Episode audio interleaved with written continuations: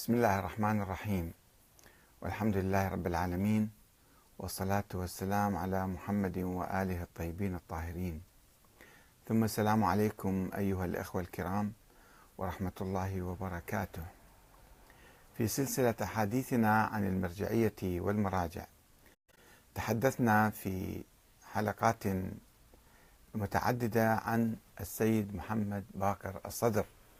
ودوره في تأسيس حزب الدعوة وكتابته لأسس ذلك الحزب على أساس الشورى في إدارة الحزب وعند استلام الدولة الإسلامية.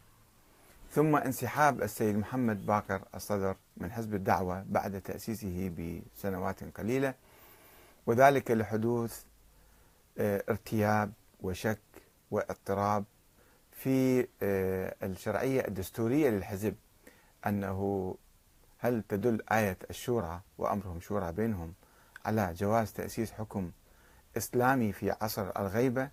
وهذا كان في الثقافة الشيعية الإمامية من المحرمات.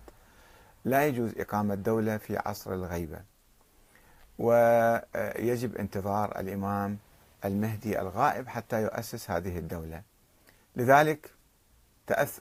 السيد محمد باقر الصدر ومجموعة من إخوانه وأصدقائه وزملائه تأثروا بفكر الإخوان المسلمين وحزب التحرير فأسسوا حزب الدعوة ثم انسحبوا منه لأنه اكتشفوا أن مراجع النجف السيد محسن الحكيم والشيخ حسين الحلي والخوئي ومرتضى آل ياسين كل المراجع الكبار يرفضون أساسا نظرية الحزب ويكتفون بالمرجعية. فالسيد محمد باقر الصدر ترك الحزب تخلى عنه سنة 1960 واتجه نحو المرجعية بناء مرجعيته. وفي بداية السبعينات أو قبل ذلك بقليل تأثر أيضا بالإمام الخميني في دروسه عن الحكومة الإسلامية وولاية الفقيه. بدأ يميل أكثر إلى ولاية الفقيه.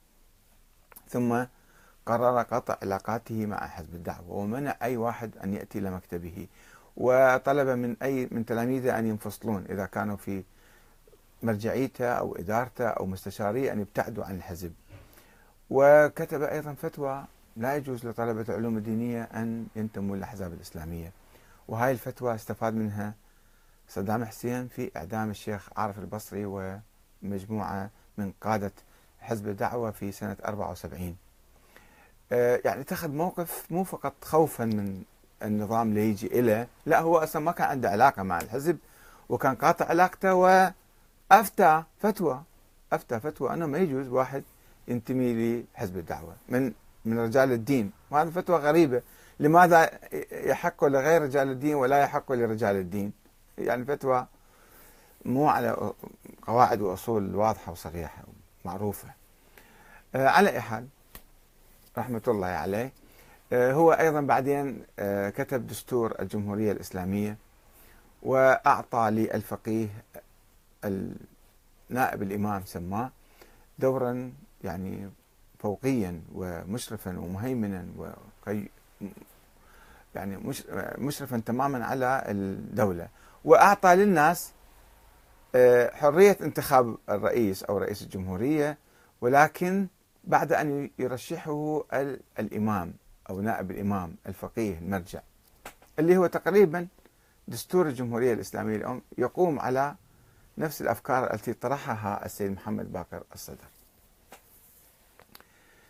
آه، رغم أن الدستور الإيراني يعني كان عرضة لمجلس تأسيسي وبحثوا في دور ولاية الفقيه وكادوا أن يجعلوا من الفقيه مشرفا روحيا فقط ولا يعطوا أي شيء. فآخر شيء أعطوه قيادة القوات المسلحة والإشراف على ال ال آه، القانون يعني القضاء ومجلس صيانة الدستور وما إلى ذلك. فصار هو القائد هو أعلى سلطة في إيران أعلى من سلطة رئيس الجمهورية.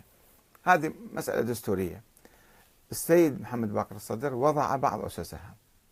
وطبعا هو تفاعل مع الثورة كثيرا وأيد النظام الإيراني وهو كان في آه، يعيش في النجف تحت ظل صدام حسين يعني تحت حكم صدام حسين ولكن تحداه. تحداه وأيد الثورة الإيرانية. وهذا ما سبب إزعاج كبير لصدام الذي تأهب لشن حرب على إيران. آه، وإذا به سيد محمد باقر الصدر يقود مو بس هو موقف وحده هو يقود حزب الدعوة صار ويقود الحركة الثورية في العراق التي تأثرت بالثورة الإيرانية وكادت أن تشعل ثورة في العراق آه، ضد صدام حسين.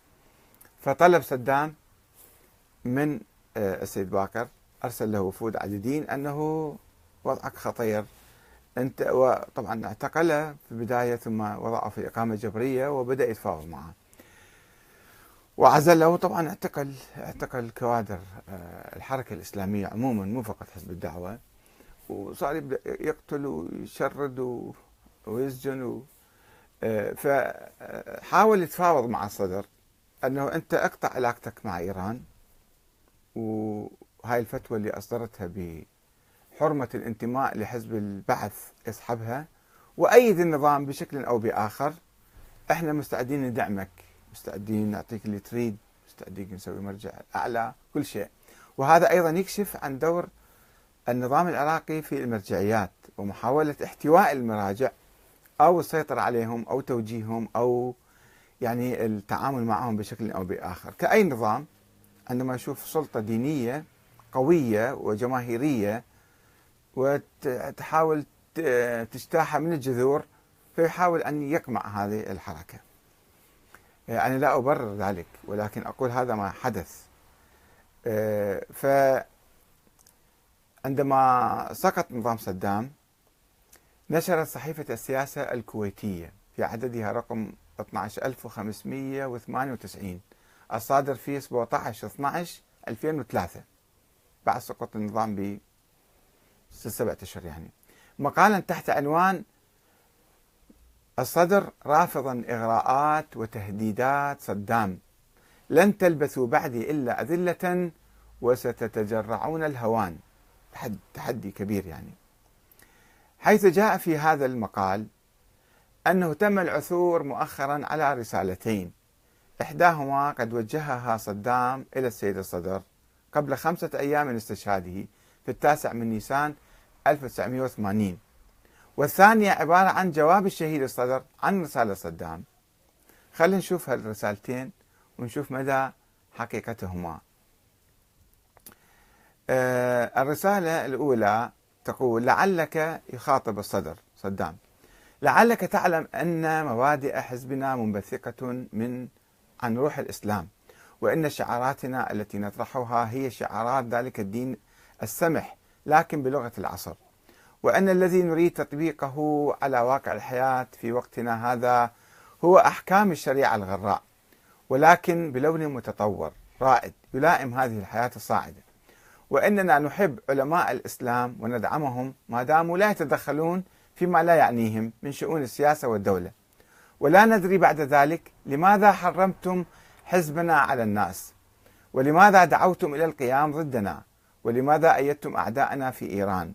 وقد أنذرناكم ونصحنا لكم وأعذرنا إليكم في هذه الأمور جميعا غير أنكم أبيتم وأصررتم ورفضتم إلا طريق العناد مما يجعل قيادة هذه الثورة تشعر بأنكم خصمها العنيد وعدوها اللدود.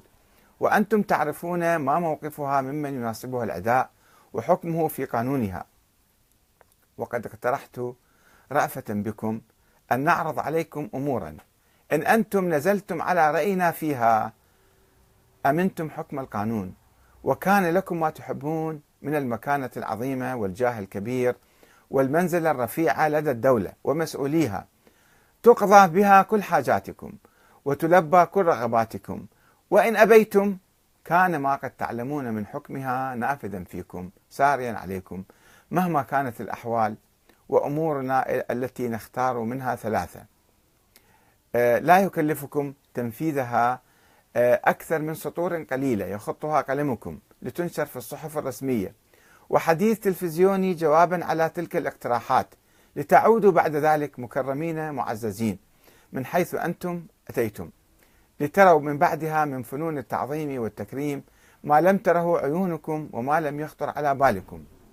أول تلك الأمور هو أن تعلنوا عن تأييدكم ورضاكم عن الحزب القائد وثورته المظفرة. ثانيهما أن تعلنوا تنازلكم عن التدخل في الشؤون السياسية وتعترفوا بأن الإسلام لا ربط له بشؤون الدولة. ثالثهما أن تعلنوا تنازلكم عن تأييد الحكومة القائمة في إيران وتظهروا تأييدكم لموقف العراق منها. وهذه الأمور كما ترون يسيرة التنفيذ كثيرة الأثر جمة النفع لكم من قبلنا. فلا تضيعوا هذه الفرصة التي بذلتها رحمة رحمة الثورة التي بذلتها رحمة الثورة لكم. رئيس مجلس قيادة الثورة صدام حسين. الرسالة الثانية نص جواب السيد محمد باكر الصدر. طبعا رسالة طويلة أنا اختصرت بعض الفقرات من أظننتم أنكم بالموت تخيفونني وليس الموت إلا سنة الله في خلقه أو ليس القتل على أيدي الظالمين إلا كرامة الله لعباده المخلصين. وأعجب ما في أمركم مجيئكم لي بحيلة الناصحين. تعدونني خير العاجلة برضاكم وثواب الدنيا آه، بهواكم. تريدون مني أن أبيع الحق بالباطل وأن أشتري طاعة الله بطاعتكم. وأن أسخطه وأرضيكم وأن أخسر الحياة الباقية لأربح الحطام الزائل. ظللت إذا وما أنا من المهتدين. تبا لكم ولما تريدون. أظننتم أن الإسلام عندي شيء من المتاع يشترى ويباع أو فيه شيء من عرض الدنيا يؤخذ ويعطى وتمنونني عليه زخارف خادعة من الطين. فوالله لا أعطيكم بيدي إعطاء الذليل ولا أقر لكم أقرار العبيد. فوالله لن تلبثوا بعد قتلي إلا أذلة خائفين. تهول أهوالكم وتتقلب أحوالكم ويسلط الله عليكم من يجرعكم مرارة الذل والهوان يسقيكم مصاب الهزيمة والخسران ويذيقكم ما لم تحتسبوه من طعم العناء. فإذا قد أمسيتم لعنة تجدد على أفواه الناس وصفحة سوداء في أحشاء التاريخ. محمد باكر الصدر. رسالتين. نشرت صحيفة السياسة ولكن كان كلام آه، كثير أنه هذا الرسائل يعني هل رسائل حقيقية أم واحد مؤلفهن وكيف عرفوا من صدام كتب له رسالة وهذا قال له؟ وعادة يعني صدام ما يكتب شيء يعني. يمكن يبعث وفود يبعث كذا. وشلون يصير عند باكر صدر قبل خمس أيام؟ وين لقوا هالرسالة؟ وكيف؟ يعني في علامات استفهام كبيرة. خلينا نشوف حقيقة هاتين الرسالتين. لكن الواقع أن هذين النصين لم يكونا لصدام ولا للصدر بل هما من تأليف أحد تلامذته اللي هو السيد فاضل النوري. وقد أوردهما في كتابه الشهيد الصدر فضائله وشمائله الذي صدر عام 1984 قبل 20 سنة تقريبا من سقوط صدام. آه، ونشر هذا الكتاب في طهران. وقامت صحيفة بدر بنشرهما في عددها المرقم 134 الصادر بتاريخ 10 ذي القعدة 1415 هجرية. ولم يتم العثور عليهما على الإطلاق بعد زوال حكم صدام. افتراضية يعني.